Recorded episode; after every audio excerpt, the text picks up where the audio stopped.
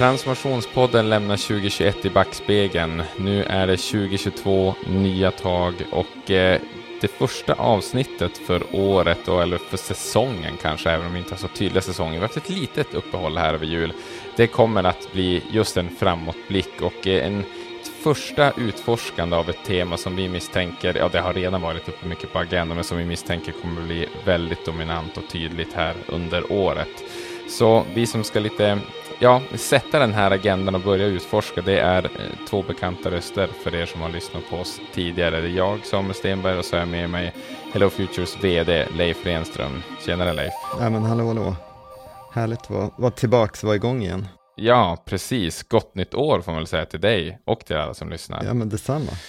Vi har ju haft som sagt litet uppehåll här för att ge folk en chans att eh, smälta den här mastiga, vad ska man säga, jul och årsavslutningsspecialen som vi gjorde.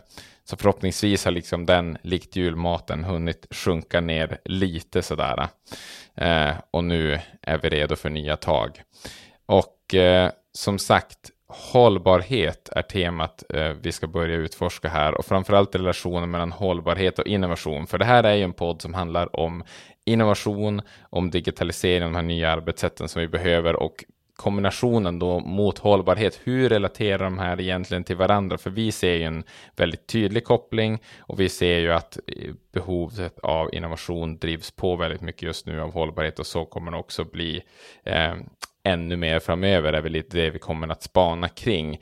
Men eh, det, det, är lite det vi ska göra helt enkelt, reda ut begreppen. Det är ju något vi försöker, eh, vi försöker göra ofta här i podden och gillar att göra. Eller vad, hur, hur tänker du Leif? Det är ganska ja. viktigt det här med vad menar vi när vi säger det här och det här? Precis, ja, men så, så är det ju. Vi, vi är ute mycket och föreläser om, om de här sakerna och vi har väl märkt att det, det väcker ganska mycket nyfikenhet och kanske också löser upp lite knutar när man, när man börjar se hur de här sakerna förhåller sig till varandra, för det kan ju annars ganska lätt vara så i, i, en större organisation att hållbarhetsfrågan ägs någonstans, digitaliseringsfrågan ägs någon annanstans och så kanske innovationsfrågan ägs på något tredje ställe och man mm. ser inte det här som, som ett gemensamt arbete och, och vi vill väl uppmana till att, att se det här som, som eh, en, att, att allting hänger ihop, så att det inte blir mm. utveckling på, på tre olika sätt utifrån tre olika perspektiv, utan försök att, att baka ihop de här så kommer man att få, få mer kraft i den utvecklingen. Precis. Nej, men så det, vi tänker att vi ska, det här är inte ditt, nu talar jag till lyssnaren här, ditt liksom definitiva avsnitt där vi ger facit på hur innovation ska lösa hållbarhetsutmaningar och sånt där, utan vi ska börja att utforska den här frågan och reda ut begreppen, för som sagt, vi ser ju tydligt att den här frågan stiger väldigt mycket på agendan ute hos våra kunder. Vi ser det såklart i medierna och vi ser det från alla organisationer man har att göra med att det här blir mer och mer brännande fråga. Eh, för egen del så eh, i augusti 2021 så kom ju då den här senaste mm, rapporten från eh, IPCC, alltså Intergovernmental Panel on Climate Change som är en del av FN.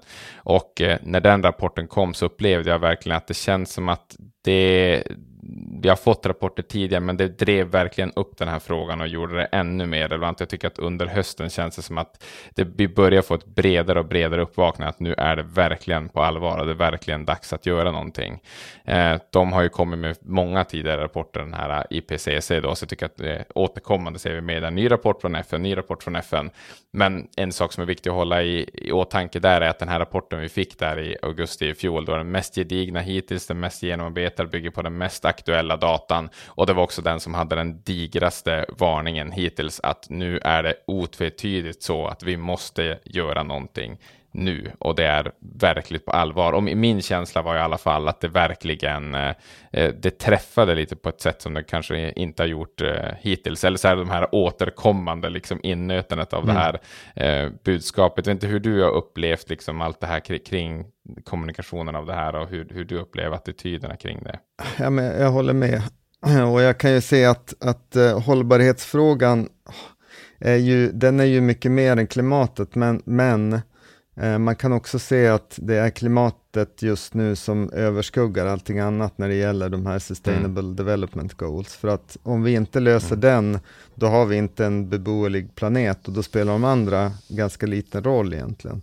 Så att eh, mm. utifrån det jag, det jag ser från de som jobbar eh, professionellt med, med hållbarhetsfrågan så är det ju klimatomställningen som, som står i fokus. Och jag, vi läste ett bra citat här för någon dag sedan från en, en författare som heter Seth, Seth Wines, som är doktorand mm. i klimatvetenskap och har skrivit en bok som heter SOS och han sa att de, de beslut vi tar under det närmaste årtiondet kommer i princip att avgöra om vi lyckas upprätthålla en beboelig atmosfär på vår planet eller äventyra hela vår civilisation. Så att eh, det, mm. det tycker jag sammanfattar lite grann det här ja men vi, vi behöver göra någonting nu eh, och, och det kommer att vara extremt obekvämt. Alltså man kan ju se det i en sån liten fråga ändå som, som bara det här övergången till, till eh, elbilar exempelvis, hur, vilken smärta det ger och det här med priserna på drivmedel och dieselpriserna har precis gått upp över 20 kronor här nu i, i januari. Mm. 2022 och så vidare. Och att man kan ju, det kan man ju tycka är jättedåligt när man kör en dieselbil. Eh, det är ju helt naturligt. Men man måste ju tänka på den här större bilden. Nu kanske inte liksom elbilar ensamt kommer inte att lösa det här problemet, men, men just det här att vi behöver göra massa saker och de kommer att vara jätteobekväma både för oss som, som människor men också för oss som organisationer. Vi kommer att behöva göra nya saker, för om det bara var så att vi kunde fortsätta jobba på med det, med det vi har gjort och göra, göra ja, det, hålla på med samma saker men göra det lite bättre, då skulle vi ju, det skulle vara jätteskönt, men uppenbarligen räcker inte det. Nej. Nej men precis, det, vi skulle ju ha löst eh, de här just vad gäller klimatkrisen, de här sakerna, ja egentligen alla problem relaterade till hållbarhet, skulle vi ha löst om det var så att det var smärtfritt, att det fanns någon typ av tydligt facit eller någonting, utan det, det är den här det är den här klyftan som vi måste överbrygga, att det blir mm. mer och mer tydligt att det är på allvar att vi verkligen måste agera och det är nu, som mm. du sa i ditt citat, eller citatet som du lyfter där, och den här set wines, att det, det är det närmaste årtiondet som verkligen är spelplanen ja. för, att, för de här avgörande besluten. Vi måste göra någonting, men vi vet inte exakt hur, vi kan inte enas om exakt vad, vad som är det bästa och så vidare. Och, så det, men det är en bra grundinställning. Mm. Det kommer behöva smärta. Det kommer inte vara business as usual, för då, då hade vi ju redan gjort det. Ja, men exakt. Och, och det är sällan, sällan man har sett någonting under, i alla fall under, under mitt ganska långa liv nu, som har haft sån här urgency som det här faktiskt har. Eh, det, det som kanske det tidigare som jag såg, det var den här Y2K-buggen som var vid millennieskiftet. Där, där var det också otrolig påställning där sista åren innan för att liksom se, se till att samhället inte rasade. Men, men, men det är, det känns som att alla är ju, i alla fall i Sverige tycker jag, har en ganska stor medvetenhet om det här. Men nu gäller det att, att börja hitta sätten, ja men vad, vad gör vi då som, som organisation för att bidra och hjälpa till i det här? Va, vad finns det vi kan göra mm. och vad gör störst effekt? Eh, det mm. är ju, där, där, finns det fortfarande väldigt mycket att göra skulle jag säga. Och det kan man väl säga då, apropå det här att hålla isär begreppen och olika saker, att när vi, när vi pratar hållbarhet som sagt här nu så vet vi det att hållbarhet är ju ett väldigt vitt begrepp och ibland när man i diskussioner så väver man även in social hållbarhet och sådana saker. Precis. Men jag tror dels för den här diskussionen så tror jag att eh, vi kan hålla det ganska vitt för att relationen då till de här andra sakerna som vi ska komma in på, innovation, digitalisering etc. blir ändå ganska likartad oavsett exakt hur man definierar hållbarhet. Men mm. som vi just har sagt så känns det som att den mest angelägna av de olika hållbarhetsutmaningarna nu är liksom klimatutmaningen och den relaterar ja. ju till väldigt många eh, av de här andra utmaningarna då. Men klimatutmaningen och uppvärmningen av planeten är, känns som att det är det, det dominerande och hur man som organisation liksom, eh, på något sätt påverkar eller bidrar till den. Då. Ja, ja men absolut. Det, det är klimatomställningen som är, är den mest brådskande och det, det är där vi behöver lägga stort fokus. Så, att, eh, mm. så, så är det. Men det är ju då väldigt många olika sådana här saker. Som sagt, nu har vi varit inne på lite det att vi ser att ja, men, hållbarhetsutmaningen, eh, den, den stiger på agendan ute då hos de kunder vi är ute och, och, och jobbar hos och sådär. Och samtidigt har vi då länge haft digitalisering som en stor fråga och så beroende på organisation så kan det vara andra av de här stora, vad ska man säga, megatrenderna som pågår. Alltså vi mm. har ju haft många projekt som vi nämnde i julavsnittet. Under det gångna året har vi jobbat mycket mot vård och äldreomsorg och sådär. Och mm. är den demografiska eh, förändringen är ju väldigt, väldigt eh, eh, stor inverkan på den sektorn då helt enkelt. Precis. Eh, men eh, sen upplever vi då att det kan bli lite rörigt om man ska börja se på hur de här förhåller sig till och påverkar varandra. Lite som en attityd att ja, fokusera på digitaliseringen mycket, mm. men nu är hållbarhetsfrågan så kraftig att nu måste vi börja fokusera på den och så kan man känna lite grann att vänta nu här, det är inte riktigt så det förhåller sig, utan digitaliseringen är ju snarare någonting som kan hjälpa oss i hållbarhetsutmaningar. Alltså, det är lite rörigt hur de här relaterar ja. till varandra. Ja, men det, det är det och jag tror att det är ett kanske ett ett litet skifte hur man, hur man ser på digitalisering från att man kanske har sett det mer som, som en av de här utmaningarna att ta sig an, att, att ta sig an de här förändrade beteendena som, som digitaliseringen har gett till att vi börjar se mm. digitaliseringen mer som, som verktyget för att ta oss, e, åtminstone ett av verktygen för att ta oss an den här klimatutmaningen. Mm. Eh, mm. För det är ganska tydligt att, att det finns mycket kring digitaliseringen som är väldigt användbart när vi ska börja eh, göra den här omställningen. Det finns många saker mm. som är, är, helt beroende av den till och med. Så, så vi mm. måste se den mer som en, en möjlighet än en utmaning i, i det här sammanhanget. Så ett, ett mm. litet fokusskifte där faktiskt. Precis. Och jag tänker att det, det kommer ju säkert eh, relatera där, alltså att de organisationer som fram till nu, och som sagt, det är inte som att nu är det plötsligt 2022 och nu måste vi hantera hållbarhet, utan vi pratar ju bara utifrån generellt att det börjar mer och mer se det här skiftet, men det har ju varit väldigt gradvis och jättemånga organisationer är ju långt fram och jobbat med det här i, i årtionden, det ska vi såklart säga. Mm. Men eh, lite för narrativet så att säga, så ser vi just som sagt det här skiftet som, som håller på att ske mm. allt tydligare. Men i alla fall att de som har varit långt fram på digitalisering och har van, vanan där och har kommit bort från att se det som en utmaning till att här är ett verktyg vi har mm. i vår hand. Eh, de kommer ju ha en fördel här nu att hantera hållbarhetsutmaningen. Mm. Och är det så då att hållbarhetsutmaningen inte riktigt har, vad ska man säga, manifesterat sig i sin eg sitt eget område, att vi har inga tydliga lagkrav, vi vet inte exakt hur liksom, det här kommer påverka oss ännu. Det är klart, är man, kör man lastbilar då är det väldigt tydligt eh, hur mm. en, en, relation som man har till, till klimatutmaningen så att säga. Men i andra sektorer kanske det inte är det. Men då tänker jag att har man åtminstone den här digitaliseringsverktyget, att man är långt fram i digitalisering, har vanan inne med det, då kommer man stå rustad för de krav och de omställningar som man kommer att behöva göra mm. närmaste årtiondena. Då. Ja, ja, men precis så är det. Och vi, vi ser att det finns ju ett par olika sätt man kan använda eh, digitaliseringen i i, digital, eller i den här om, klimatomställningen. Um, det mm. ena är ju att, att man kan använda det för att, att stötta cirkulära affärsmodeller och delningsekonomi, vilket ju är in, inte någonting nytt. Uh, det har gjorts uh, relativt länge, men man kanske, det kanske blir ännu tydligare nu att det är en del av den här klimatomställningen. Och det, där kan man ju se exempel på, om man tänker vad, vad menar vi då? Ja men exempelvis en app som Karma där man kan köpa mat som blir över från, från kök som har, har för mycket, eh, har över mat i slutet av dagen så kan man köpa det till ett billigt pris så att man minskar svinnet. Det är ju en, en typisk sån grej som är den är rätt svår att göra utan en digital komponent. För hur ska du annars mm. få reda på om, om någon har mat över. Um, andra, eh, något vi tydligt kan se också är ju, det tror jag alla, alla känner igen sig i det här att um, särskilt hos unga människor så handlar man väldigt mycket second hand. Och, och mm. det är ju också till stor del ganska drivet av, av nya digitala tjänster.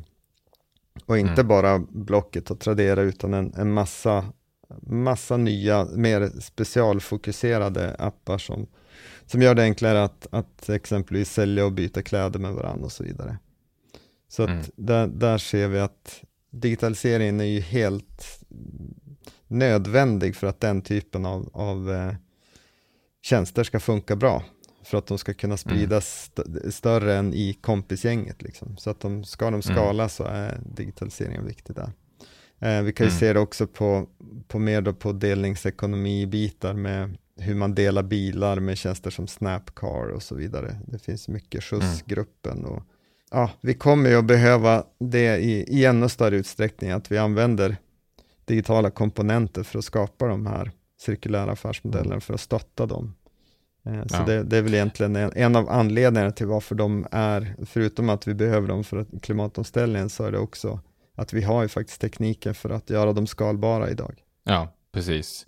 Och, och jag tänker en sak som det, det, jag tycker det är viktigt att bara hålla i huvudet också att vet, alltså det, utvecklingen av det digitala och liksom användarupplevelsen i de här tjänsterna och hur man lägger upp sina affärsmodeller och sånt i de här tjänsterna pågår ju hela tiden. Jag tycker jag märker ibland, jag menar, det kan jag också, vissa av de här, en del av de som de nämner, kan jag ha testat för ett par år sedan någonting, de var i någon typ av tidigt stadie och så tycker man, nej, det här funkar inte riktigt det här och så är man inte riktigt där som användare heller, att jag har Nej. kanske inte riktigt drivet att få det här att funka, men alltså förändring kommer komma från så många olika håll här och pågår just nu, Absolut. att jag- jag som användare känner mig ännu mer att fasiken, nu måste jag ta tag i det här mer second hand till Mm. exempel, eller liksom hitta eh, smarta sätt med karma är ju väldigt smart det här med överbliven mat Mm. och så vidare och sådär.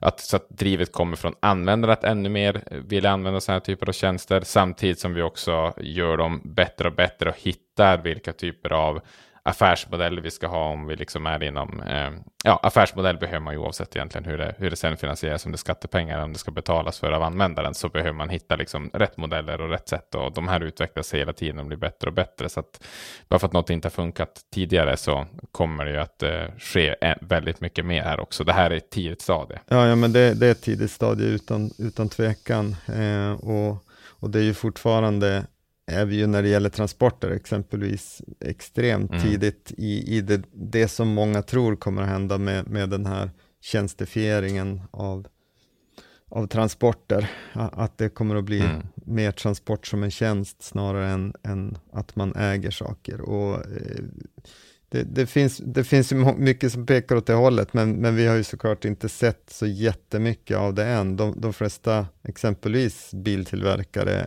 Eh, har ju någon typ av testverksamhet, någon, någon typ sån appdriven eh, bilpoolslösning som de investerar i och, och testar, eh, just testar de här affärsmodellerna för att se vart kan det här funka först och bäst och, och hur mycket kan vi få betalt och kan det jämföra sig med att, att sälja bilar och så vidare. Det, det pågår jättemycket där och, och på samma sätt finns det genom man tänker inom exempelvis kläder då, så kommer det att hända mycket, mycket där också tror jag från, från många av de större etablerade. Jag menar det är ju bara att titta på hur mycket butiker som, som stänger från de stora kedjorna eh, och, och man satsar på e-handel och så vidare, men man börjar också se att från de som startade med e-handel så ser man att det här med returer kanske inte är så hållbart exempelvis, att det finns många som Mm.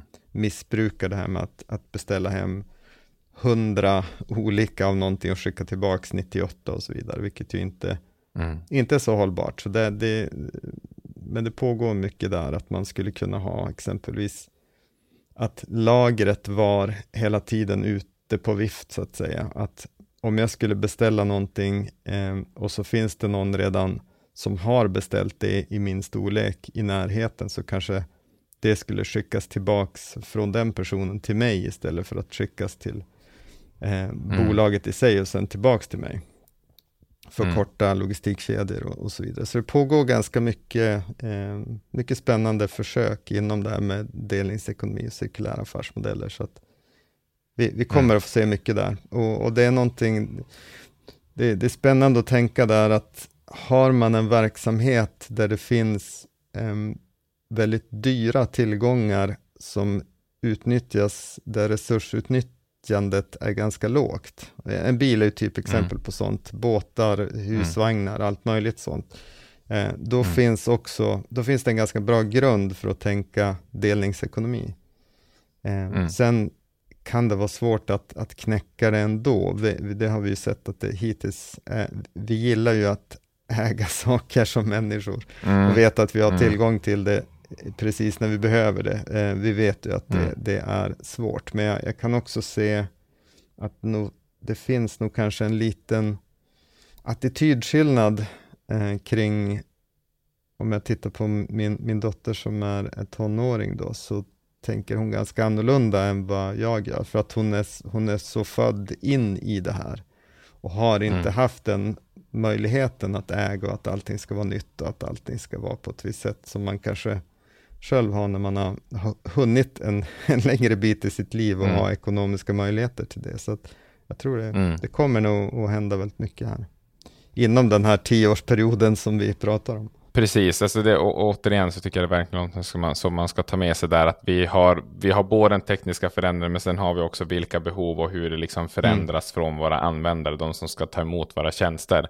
Så att eh, man kan ha skjutit ut något litet testprojekt tidigare och sagt nej men det här funkar inte för att eh, folk vill ha sin bil, folk vill ställa bilen. Mm. Eller folk vill inte ställa bilen för de vill ha sin bil. Så här. Ja men vem var det du pratade med då? Hur länge sedan var det? För mm. att det är, det är ett rörligt mål hela tiden. Precis. Och i alla fall jag definitivt liksom i, i min generation märker mig just med bilen exempelvis då att den här kärleksfulla ägandet av min bil, jag går ut och putsar den och man mm. har liksom en romantiserad bilen, det har, ju, det har ju fallit drastiskt och för de mesta är de bara jobbiga parkeringsmaskiner som bidrar med räkningar. Mm. Sen råkar jag bo då i en, i en stad, jag kan inte riktigt göra mig av med bilen än på ett, eh, på ett smart sätt. Då. Men, men så det, det, förändringen kommer från det hållet också och inte minst det vi ser och hör får kommunicerat från eh, instanser som IPCC och sånt här och sen politikerna och ja, allt som givetvis driver på kommer ju också att driva på den här förändringen hos, mm. hos eh, användarna så att man bara har det med sig att man inte bara sitter där och säger våra användare vill då inte och där funkar ju för dem säger att det här är då attityden men den, det är också ett rörligt mål. Ja men det är det och, och timing vet vi är, är en central del av att jobba med innovation. Man kan ha helt rätt erbjudande men vara något år för tidigt helt enkelt. Um, mm. och, och, där, jag håller med dig precis, det där om bilen tycker jag är en så tydlig grej, där, där bilen mest troligt kommer att gå från att det har varit en statuspryl, man har kunnat säga ganska mycket om en person och en familj utifrån vilka, vilken bil eller vilka bilar som har stått på, på uppfarten. Mm. Um, men nu kanske det snarare blir så att status blir att det inte står någon bil där. Mm. Det, är det, mm. det är snarare det som kommer att ge status. Så att, allt sånt här, det påverkar ju väldigt mycket och, och timing är ju en oerhört viktig faktor i det. Där man måste testa mm. sig fram, det är ju enda sättet, för ingen kommer att veta mm. hur den timingen ser ut. Mm.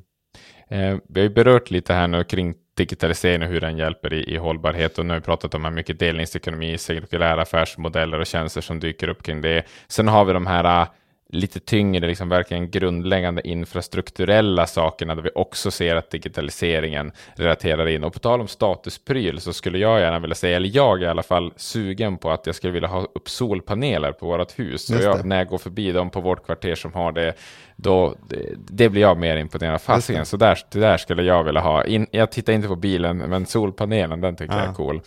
Eh, och det är ju en sån här grej där vi börjar se det liksom att återigen med digitalisering, att då kanske jag kan ha en liten tjänst, jag ser hur mycket el jag har byggt upp, så säljer jag tillbaka den till elnät och sådana saker, mm. också möjliggjord av av digitalisering då. Eller mm. snarare gjord så pass att vi kan lansera ut den till en bred massa. Och inte så att det inte gick att ha en solpanel tidigare, men utan digitaliseringen svårt. Ja, ja men så är det. Och vi, vi har jobbat mycket inom energisektorn, så vi, vi kan ju den ganska bra. Och det som mm. förvånar mig skulle jag säga är att det händer så pass lite inom det här med smart grids, alltså smarta elnät eller smarta energisystem. Vi behöver ju delvis det här, om vi tittar bara på hur situationen har sett ut här i vinter med väldigt dyra elpriser och när vi har allt mer källor, energikällor som, som inte är konstanta utan vi är beroende av, av vind och eh, sol exempelvis, så, så blir det allt viktigare att vi kan lagra energin, vi kan fördela den dit den behövs, när den behövs och så vidare. Och sättet att göra det är ju att ha ett mer dynamiskt elnät som, som kan lösa de sakerna på egen hand på något sätt. Eh, inte att det mm. blir människor som behöver göra det. Och då krävs det ju att vi, att vi bygger ett smart nät helt enkelt. Och där kan man ju se att vi är ganska långt borta från det. Eh, jag, mm. jag hade definitivt, om, om man skulle ha frågat mig för fem år sedan eh, hur långt vi skulle ha hunnit idag så, tro, så hade jag nog trott att vi skulle ha varit mycket, mycket längre än vad vi är. Eh, jag tycker det är mm. lite märkligt att det finns ju knappt någon transformatorstation överhuvudtaget som är uppkopplad på, på det sättet som de skulle behöva gör, göras, utan de flesta komponenterna i de här elnäten är ju fortfarande in, inte alls smarta och inte förberedda för det. Mm. Så det gör mm. mig väl lite, ja, det, där måste det hända mycket, mycket mer, för att det är ju en av, en av tankarna på att vi ska klara av att ha det här mer hållbara energisystemet eh, är ju att vi ska exempelvis när vi då ställer våra, våra elbilar på laddning, att energisystemet ska kunna eh, välja om man antingen laddar de bilarna eller kanske till och med tvärtom då, hämtar energi från dem när det behövs och sen ger tillbaka den senare när det inte behövs. Så att mm. den här typen av, av lösningar måste ju till. Eh, och det är ju också en, en, del i vad vi i, i ett ännu större perspektiv då pratar om smarta städer och så vidare, där, eh, mm. där man får, får hjälp att göra rätt i, i mångt och mycket. Eh, både att det ska vara enklare att, att bo och leva, men också att, eh, att vi gör mer automatiskt gör bättre hållbarhetsval helt enkelt. Mm. Ehm, mm. Men eh, ja, det finns ju extremt mycket kvar att göra där, men, men det är ju hela det här infrastrukturlagret är ju en jättefråga och där är ju där är digitaliseringen helt och hållet avgörande. utan mm. den så kommer det inte att bli några smarta elnät om, om vi inte har den digitaliseringskomponenten. Nej, precis. Och jag tycker det är en intressant liten skillnad här och som sagt nu, nu ska inte vi, vi ska inte skicka iväg diskussionen allt för mycket liksom i den större hållbarhetsfrågan och ansvaret och liksom så fördelningen för den. Men här belyser vi lite skillnaden mellan då eh, kanske mer, låt säga då Karma som vi har nämnt här nu som liksom är matdelningsapp jätteenkelt förklarat och det är ju väldigt mycket fokus på slutanvändaren. Mm. Du kan ha ett bra gränssnitt och så här och sen kopplar du samman olika användare då, eller en leverantör av överbliven mat i det här fallet och sen en slutanvändare som vill ha den. Mm. Och, och, det är en typ av innovation som vi har kunnat driva fram nu tack vare digitaliseringen som är väldigt användare och individuellt fokuserad. Mm. Men sen har vi den andra sidan av myntet på hållbarhetsutmaningen som är den här systematiska strukturella frågorna som jag som konsument då i slutändan använder liksom inte rår på. Alltså hur ska jag driva fram ett smart elnät? Ja, då, då börjar det som vad jag, det beror på vad jag röstar på kanske, men sen vet jag inte så mycket mer hur jag, hur jag, hur jag ska liksom åstadkomma det. Så då har vi den här systematiska mm. eh, sidan av det. Och det, det, är väl bara ett skifte som jag tycker att jag börjar märka när jag läser debattartiklar och liksom sådana här saker att eh, ja, det, det kanske kommer att drivas ännu mer fokus under de kommande kommande årtiondet förhoppningsvis blir det så mycket större fokus på de här systematiska grundläggande förändringar som behöver, exempelvis med, med smarta elnät och att det mm. räcker inte att jag och de andra börjar använda karma här i Umeå. Det, det, det är Nej. bra. Men vi behöver de här fundamentala sakerna och det känns som att det är väldigt mycket där som det kommer att eh, bli stora förändringar där man behöver som organisation vara var, var redo. Mm. Ja men precis och mycket av det kommer ju säkert att drivas av den här smärtan som vi exempelvis märker när elpriset bara går mot 4-5 kronor per kilowattimme. Mm. Eh, det är klart att som, som medborgare i ett land så blir man inte så glad då när man vet att det skulle kunna undvikas, för vi har ju egentligen inte, vi har ju inte en energibrist på det sättet som man kan tänka eller tro när man ser de priserna, utan det, det, det påverkas ju så mycket av, av andra europeiska beslut och på det här att vi inte tillräckligt bra kan, kan fördela ut effekten där den behövs, då den behövs utan vi, mm. vi blir eh, lite vi blir ganska straffade när vi inte har energikällor som är konstanta, där vi kan styra, eh, få till den här balansen bra mellan produktion och eh, behov just i det tillfället. Mm. Så att för, vi, mm. vi, vi, måste göra det mer dynamiskt. Jag tror ändå att, att de här, att det på, på ett sätt, om man ska vara lite positiv, att de här höga priserna kan vara någonting positivt för oss, för det, det visar ändå på att någonting är fel i, i hur vi gör det idag. Alltså vi, vi, vi har börjat kliva över i ett nytt system, men, men vi har liksom inte gjort på något sätt grundinvesteringen för det här nya, utan vi, vi nu måste vi komma ikapp där och, och börja eh, få till mm. den här dynamiken. Så mm. det, här, det här är säkert någonting vi kommer att, att, prata mer om och det finns ju mycket kloka personer som kan mycket om det här, så vi kommer säkert att, att prata vidare om det i podden och kanske bjuda in lite expertis runt de bitarna. Definitivt, och det kan jag säga det är något som vi redan har i loopen att börja utforska och titta på. Smarta gäster som vill eh, prata hållbarhet, för som sagt det, det, är ett väldigt viktigt ämne som måste belysas under, från många perspektiv. Eh, nej men som sagt, för att summera lite den här biten av diskussionen, som sagt att eh, digitaliseringen är den är verkligen ett verktyg. Du sa någon formulering här precis nu, liksom att ja, tack vare att vi har digitaliseringen eller att det finns saker vi kommer behöva göra nu för att möta hållbarhetsutmaningen som bara blir möjliga tack vare digitaliseringen. Mm, så att det, liksom, det, det är dit vi behöver komma och det innebär, det är både de här smarta tjänsterna som vi kan utforma eh, tack vare det och sen har vi även de här nya infrastrukturella möjligheterna som i alla fall ser begynnelsen av och vet i, vet i teorin eller har sett det i småskaligt hur det, hur det skulle kunna fungera. Men det kommer att behöva skalas upp verkligen. Mm. Men sen är ju frågan då att det, det, är en sak att ha liksom då den målbilden att okej, okay, vi förstår att på något sätt med en digital tjänst eller liksom en ny infrastruktur skulle vi kunna lösa det här. Men då är det ju hur vi tar oss dit då och mm. hur, hur, vi når. Och det är ju någonstans här vi börjar komma in på kopplingen mot innovation då, som ju är vårt eh, kärnämne här i podden mm. och hur det här eh, relaterar. För det kort kan man väl säga att vi, vi ser väl att ja, den här eh, hållbarhetsutmaningen, klimatomställningen kommer verkligen att, eh, den kommer att eh, öka kraven ytterligare på mm. ny metodik och nya arbetssätt för att lyckas göra eh, det här nya. Ja, nej men precis. Och som vi sa där i början så, så är det ganska ofta så att, att hållbarhetsfrågan ägs på någon del i en organisation, digitaliseringen på en annan del och innovation och utveckling på en tredje del. Det är, det är inte alls ovanligt att det ser ut så.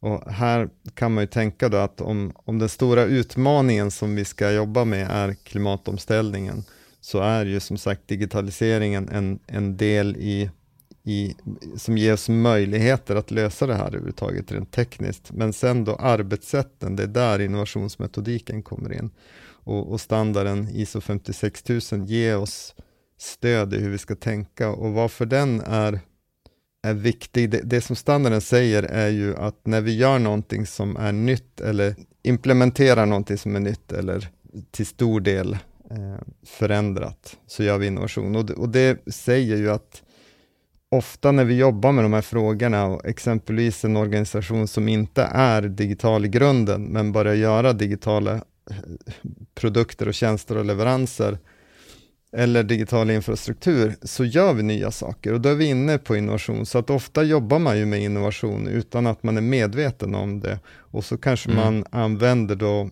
arbetsmetodik som, som tillhör mer ett industriellt tänk och mer ett förvaltningstänk än ett, ett eh, innovations och utvecklingstänk och då, då blir det väldigt ofta långsamt dyrt och frustrerande skulle jag säga.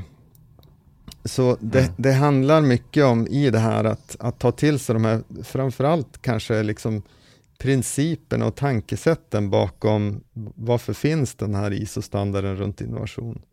Eh, för den, mm. den, den säger ju dels att vi måste tänka på innovation som någonting systematiskt, att det är ett systematiskt arbete vi ska börja göra. Det är inte baserat på in, att någon är inspirerad eller att någon är en duktig intraprenör, utan ja, men vi måste sätta det här systematiskt, att det, vi, vi får med så många som möjligt och vi vet hur vi ska arbeta med det och vi, vi, vi gör det medvetet så att säga. Eh, men mm. också det här att vi måste bli mer bekväma vid osäkerhet, eller med osäkerhet. Att vi, eh, framförallt osäkerhet runt resultaten. Vi kan vara, vi kan vara trygga med hur vi ska arbeta. Men innehållet och resultatet, där måste vi våga vara eh, lite så, inte kunna spesa det i förväg, för det är ju problemet att vill vi sätta någonting att nu kommande sex månader ska vi jobba med det här och vi ska nå exakt hit. Ja, men det, det kan vi inte säga. Vi kan bara säga att nu ska vi försöka jobba med de här frågorna och vi, vi vill gärna påverka de här effektmålen så mycket vi bara kan, men vi vet inte hur mycket. Gör vi det med 10 procent eller med 70 procent? Um, mm. Så att mycket av de här liksom mer ja, men principerna runt innovation och, och, varför man ska ha ett systematiskt innovationsarbete, det, det behöver man ta till sig som organisation och, och börja mm. jobba med. Och det, det kommer ju påverka allt ifrån ja, men, kulturen i organisationen till, till de praktiska arbetssätten. Mm, mm. Och det, för jag tror att det, man, det vi möter i alla fall ibland när man säger att man har gjort hållbarhetsarbete, så eh, fram tills nu så kan man ju ha gjort, och jag menar, det ser vi exempel på ute i samhället, att det sker sådana här det sker små förändringar som kanske skulle, som mer kan gå in i ett, jag tänker, ett klassiskt mera lean-tänk. Att ja, men vi tittar över hela vår värdekedja och så skalar vi av lite här och lite där. Och, mm. ja, men här har vi börjat använda lite mindre papper och så har vi skalat bort det liksom. Och då tjänade vi några kronor dessutom på att vi använder mindre papper. Och så bytte vi ut sugrören till, nå, till papperssugrör och sådana saker. Och det är ju bara, utmaningen är ju bara den att eh, för de allra, allra flesta organisationer eh, så kommer det krävas mycket, mycket större omställningar än så, att man måste backa till de mer fundamentala mm. sakerna och då kommer det inte att fungera att titta på den existerande värdekedjan och, och kapa lite här och lite där, utan där krävs det mer det här som du just sa som, som innovationsstandarden säger, att det eh, göra helt nytt eller signifikativt förändrat. Mm. Eh, och, och, då kommer det inte att fungera på, med, med, de, med de gamla arbetssätten. Det gäller hållbarhetsutmaningen och det gäller andra utmaningar också. Men, men just med hållbarhet är det lätt att titta att man har som en kolumn på hur mycket påverkar vi eller något sånt där och så ska mm. man som sitta och choppa av den. Och det vi är mer ute efter är att titta hur kan vi helt och hållet, liksom, hur kan vi kapa bort halva den här med någonting, ett helt nytt sätt att arbeta till exempel. Ja, precis. Vi, vi brukar ju, oavsett vad det gäller så brukar vi ofta säga det att ett, ett bra en bra ingång när man ska jobba med innovation är att dra till med ett mål som är helt orimligt. Alltså sätt, börja och tänka mm. hur kan vi bli tio gånger bättre för en tiondel av kostnaden. För det, mm. det påverkar det, det gör ju att man måste tänka helt nytt. Då börjar de här galna idéerna komma. Sen är det ju mm. kanske inte så troligt att man i slutändan faktiskt når dit, men, men att åtminstone från början sikta mot, mot stjärnorna är ingen dum idé för att frigöra mm. sig från, eh, det handlar ju bara om att man, man ska sluta tänka på exakt hur vi gör idag för att göra det bara lite bättre, utan ja, men, om vi skulle göra det helt, helt annorlunda och nå helt andra resultat, vad skulle det innebära? Så, så kan mm. det öppna upp vissa dörrar som, som, ja, som kan leda en åt ett spännande håll i alla fall. Som kanske gör ett större mm. kliv än vad man skulle ha gjort annars. Mm, precis. Nej, och vad gäller själva innovationsmetodiken, det har vi pratat mycket om och kommer att fortsätta prata mycket om. Så där kan vi ja. referera till existerande och kommande eh, avsnitt. Men, men att det behövs för att eh, tackla hållbarhetsutmaningen, det, det råder det inga tvivel om helt enkelt. Eh, sen har vi ju ett annat ämne som vi har berört och som vi också kommer fortsätta beröra som känns väldigt relevant i just hållbarhetsfrågan. Det är just det här eh, kring partnerskap, samarbeten mellan eh, bolag, eh, myndigheter, organisationer och så vidare. Och just att se det här systematiska eh, i, i, dels i vårt eget system och vårt interna innovationssystem, men också i vilket större system vi ingår och hur liksom innovation och då i specifikt för att tackla hållbarhetsutmaningen pågår liksom i vår sektor eller vår del av världen. Just det här med partnerskap, systematiskt tänk, det här är också någonting då som är väldigt, väldigt relevant mm. eh, vad gäller hållbarhet. Och jag vet att Vinnova är också, de är lite på gång med grejer här, så att det här är ju någonting som många fler än vi också ser att det här kommer bli väldigt viktigt, alltså innovation i någon sorts samverkan då för att använda det Precis. klassiska ordet. Ja, nej men verkligen, de, de har ju eh, förpackat sin eh, sitt sätt som de har testat att arbeta på under ett par år i Eh, i det här som de kallar missionbaserade innovations, eller sättet att jobba med innovation. Um, där man jobbar med att, att se behoven, att medvetandegöra, att, att titta på vad är det för behov, utmaningar um, som finns ur ett mer större samhällsperspektiv. Och sen mm. forma missions utifrån det och, och samla då en massa olika typer av aktörer Mm. Just för att det här passar ju väldigt bra när det är sådana frågor som kanske, ja men typ smarta elnät eller smarta städer och de här sakerna som inte är en, en enskild aktör som kan lösa, utan det, det krävs ju samarbeten från ja, men förmodligen både från offentlig sektor, från ett stor, an, stort antal bolag och kanske till och med civilsamhälle i många samman, sammanhang. Um, mm. Så att man formar de här missions och ser till att, att få med så många aktörer som möjligt i det. Och sen utifrån det sen ja, men innovationsarbete, skapa prototyper, eh, modeller där man kan demonstrera det här systemet och, och, titta på hur samarbeten och funktioner kan funka bättre. Um, och sen mm. då göra demos på det, så att säga, göra någon typ av minimum viable products-aktigt med demonstratorer, kallar man det i, i Vinovas fall då. Mm. Uh, och går det, här mm. att, liksom, går det här att skala upp? Finns det teknik? Finns det hållbara affärsmodeller? Uh, funkar det här för människor? Alltså, det, blir, det är ju design mm. thinking mm. i, i bakgrunden på det här såklart. Men det här tror ja. jag, det, kan, det, det, är ett spännande sätt uh, att, att jobba med de här frågorna runt klimatomställning exempelvis som är eh, större än vad en enskild organisation kan lösa. Hej, Samuel här som bryter in i ditt ordinarie program med ett snabbt tips. Lyssnar du på vår podd så har du hört oss prata om den nya europeiska innovationsstandarden ISO 56000.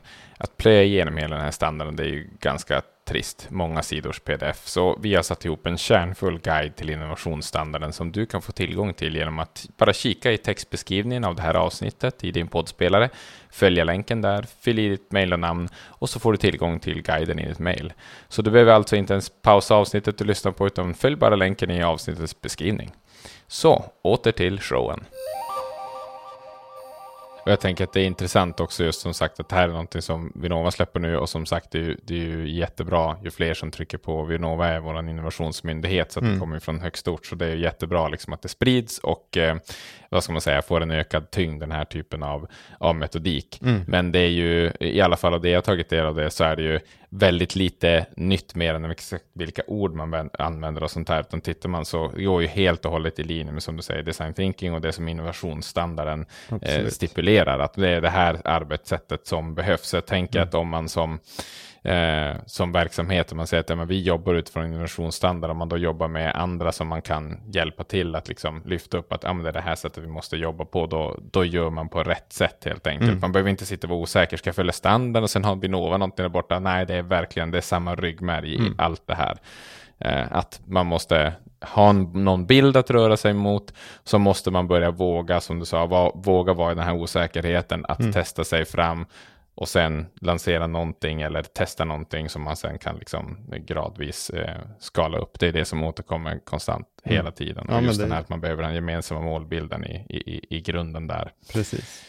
Och, och jag tror också att det är så att desto, desto skickligare man är i sin organisation på att jobba med innovation och desto mer man har accepterat de här principerna eh, kring varför standarden finns, Eh, så kommer, man, kommer det vara mycket enklare att vara med i den här typen av, av missions eh, och samarbeten runt innovation, för man kommer att ha mer mm. verktyg med sig in i den processen och man kommer att förstå och hänga med bättre och man kommer att kunna bidra bättre i den. Så att eh, mm. det, det, det, kommer inte bara att vara så att man kan tänka att att man ska delta i det som andra skapar och bara åka snålskjuts på det så, så kommer det inte, jag tror inte att vi kommer att kunna jobba tillräckligt snabbt på det sättet, utan alla måste också ta ansvar för att, att deras organisationer har ett eget innovationsarbete, skapar förmågorna att jobba med innovation och digitalisering på ett bra mm. sätt.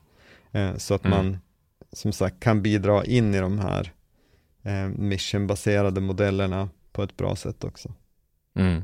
Ja, det, det tycker jag backar tillbaka till någonting som vi vidrörde här tidigare, i, bara i det här avsnittet dels, då just det här med att det kommer att bli obekvämt och vi kommer behöva mm. göra på nya sätt och testa nya grejer. Det gäller när vi sitter när vi sitter på vårt jobb och ska jobba på ett nytt sätt för att ställa om till utmaningen. Det gäller oss som individer när mm. vi ska ställa om våra beteenden eller börja använda liksom, tjänster på nya sätt och sådana saker för att ställa om. Um, och att när vi ska utföra innovation till syvende och sist, och någonting som vi också pratade återigen i vårt, vårt julavsnitt där, att det är personer som ska utföra det. Ja. Vi kan inte bara sitta och titta på att vi liksom, nu går vi in i något samarbete med den här och skickar ut ett pressmeddelande och jobbar på den här liksom ytliga nivån och så, och så hakar vi på någons innovationsarbete där, därför att då har vi inte redo, är vi inte redo i vår organisation för det, det vill säga inte individerna redo för att jobba på det sättet, så, så kommer det ju inte funka. Nej. Det blir som en sorts eh, jag vet inte, det blir som en innovation greenwashing kanske, eller något sånt där. att man liksom verkligen bara så här ytligt säger att ja, men det här är vi med och sen kommer det inte komma någon innovation eh, ur det. För att de personer som ska göra det är inte, är inte, vana, är inte vana med det. Så att, eh, det, det, fungerar inte helt enkelt. Men jag tycker också vi, vi ser ju ganska tydligt att det på, på individnivå också finns ett stort intresse av att lära sig mer mm. och, och, delta i, i den här typen av arbete och i att lära sig mer om de här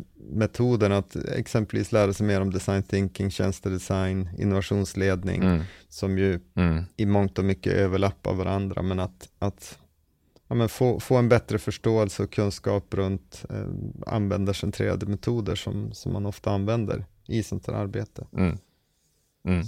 Så att eh, det, ja, nej, men det, det, det, ser, det ser väl lovande ut på det sättet om vi kan skala upp det på något sätt. För det är klart att mm. det är också en, i alla fall från min sida kan jag, jag kan ibland bli lite frustrerad över, men det är ju för att man dels vill man mycket och så kanske man inte alltid vet så mycket från början, men, men vi ser ju att de personer exempelvis som vi anställer för att jobba med sådana här frågor har ju ofta en, en gedigen utbildning, en lång erfarenhet eh, för att göra det jobb som, som vi gör när vi hjälper till med innovationsarbete.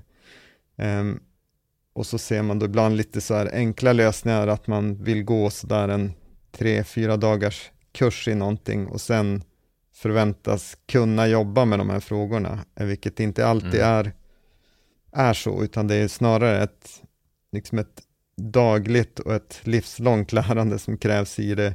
Eh, man kan behöva en boost från början, men sen är det väldigt mycket görande som behövs. Det, det vet vi mm. från, från oss själva, att även om vi har liksom masterutbildningar och, och forskarnivå och så vidare, så krävs det också det här hantverket, att man faktiskt gör och upptäcker de här små tolkningarna av det hela där man säger att okej, okay, teorin säger så här, men i praktiken när vi gör så här så får vi mycket bättre resultat. Och mycket av det är ju, precis som du var inne på Samuel, är ju det här att det är människor som ska samarbeta.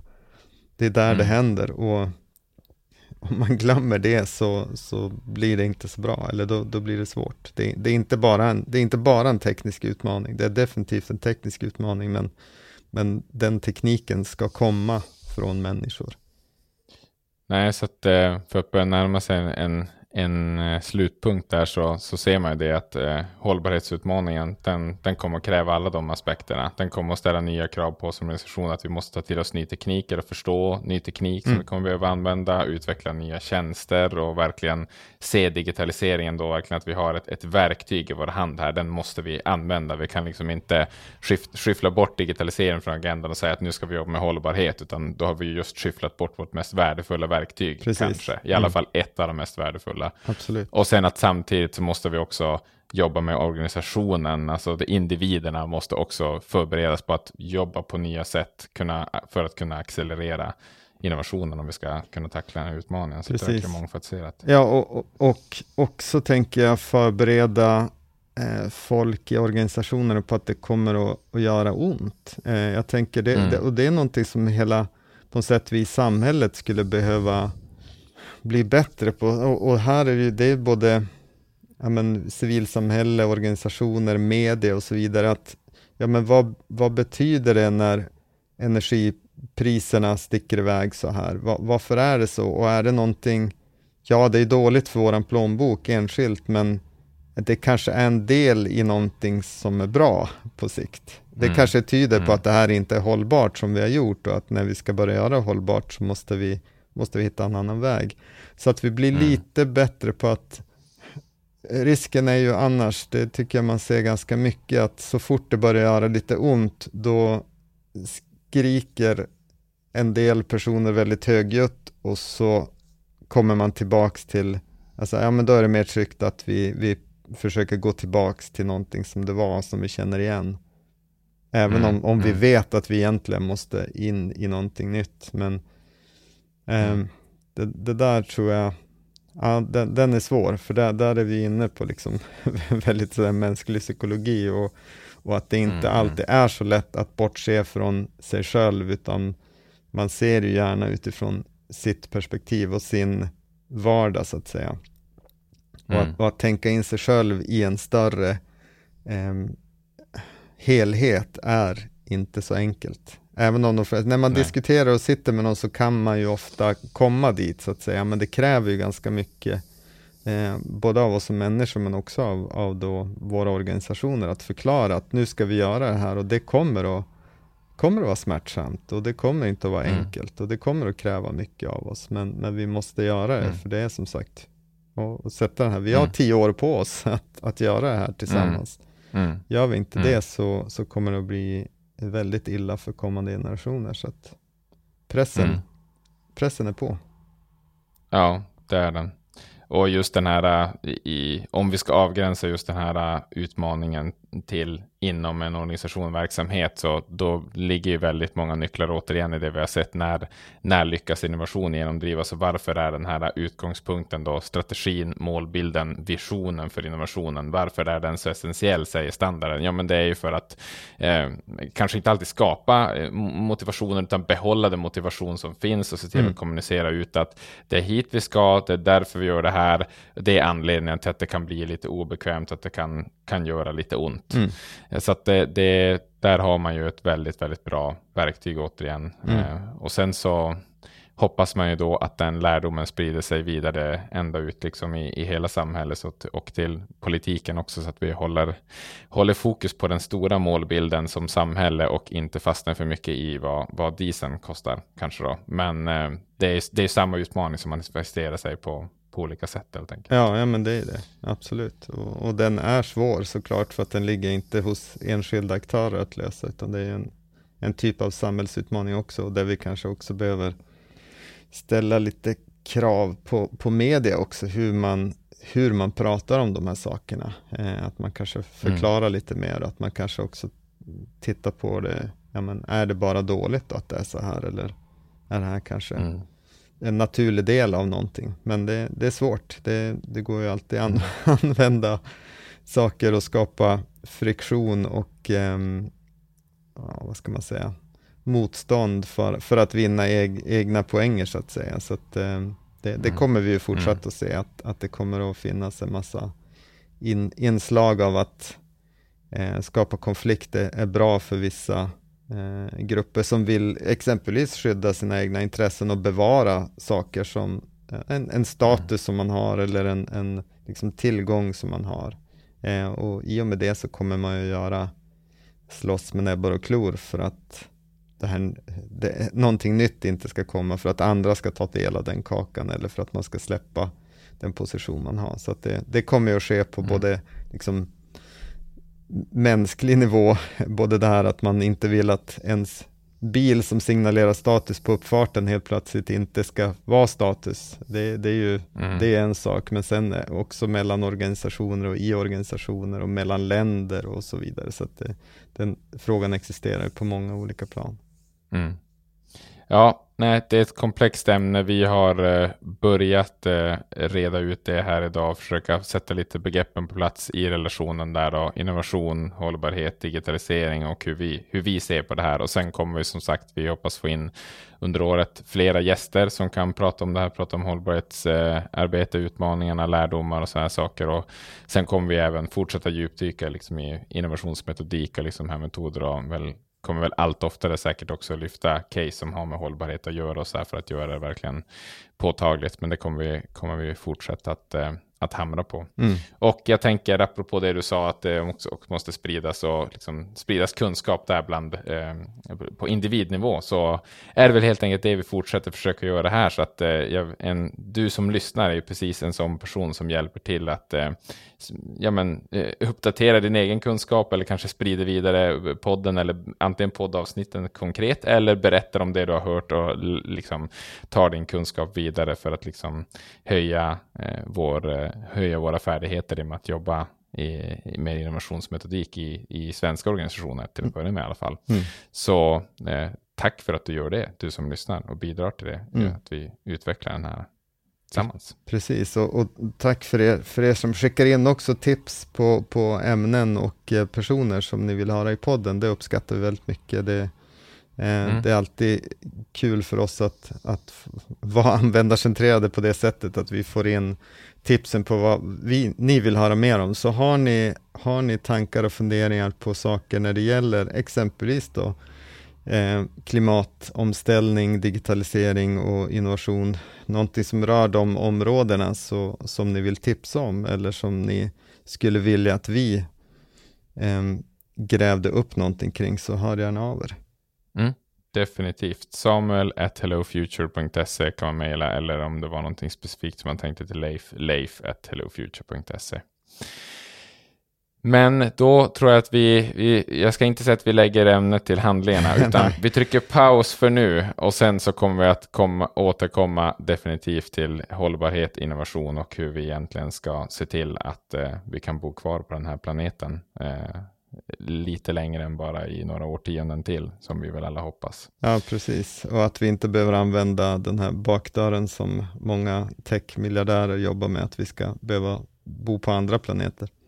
Utan vi, vi hoppas att vi kan ja. stanna på den här. Det, jag hoppas det i alla fall. Ja, alltså jag tar gärna en turisttur till Mars någon gång i framtiden. Eh, men jag tror att jag, jag hade nog tänkt eh, bo kvar här och då vill jag gärna att det är trevligt för alla, mm. oavsett vilken del av världen man bor, att det går att göra. Eh, att det inte blir Waterworld för hela slanten eller någonting annat. Precis. Ja, vi sätter som sagt eh, inte punkt utan eh, kommatecken där, fortsättning följer och eh, det här var bara det första avsnittet av många av Transformationspodden i 2022. Men tack så länge till dig som har lyssnat och tack Leif för idag. Ja, men tack Samuel.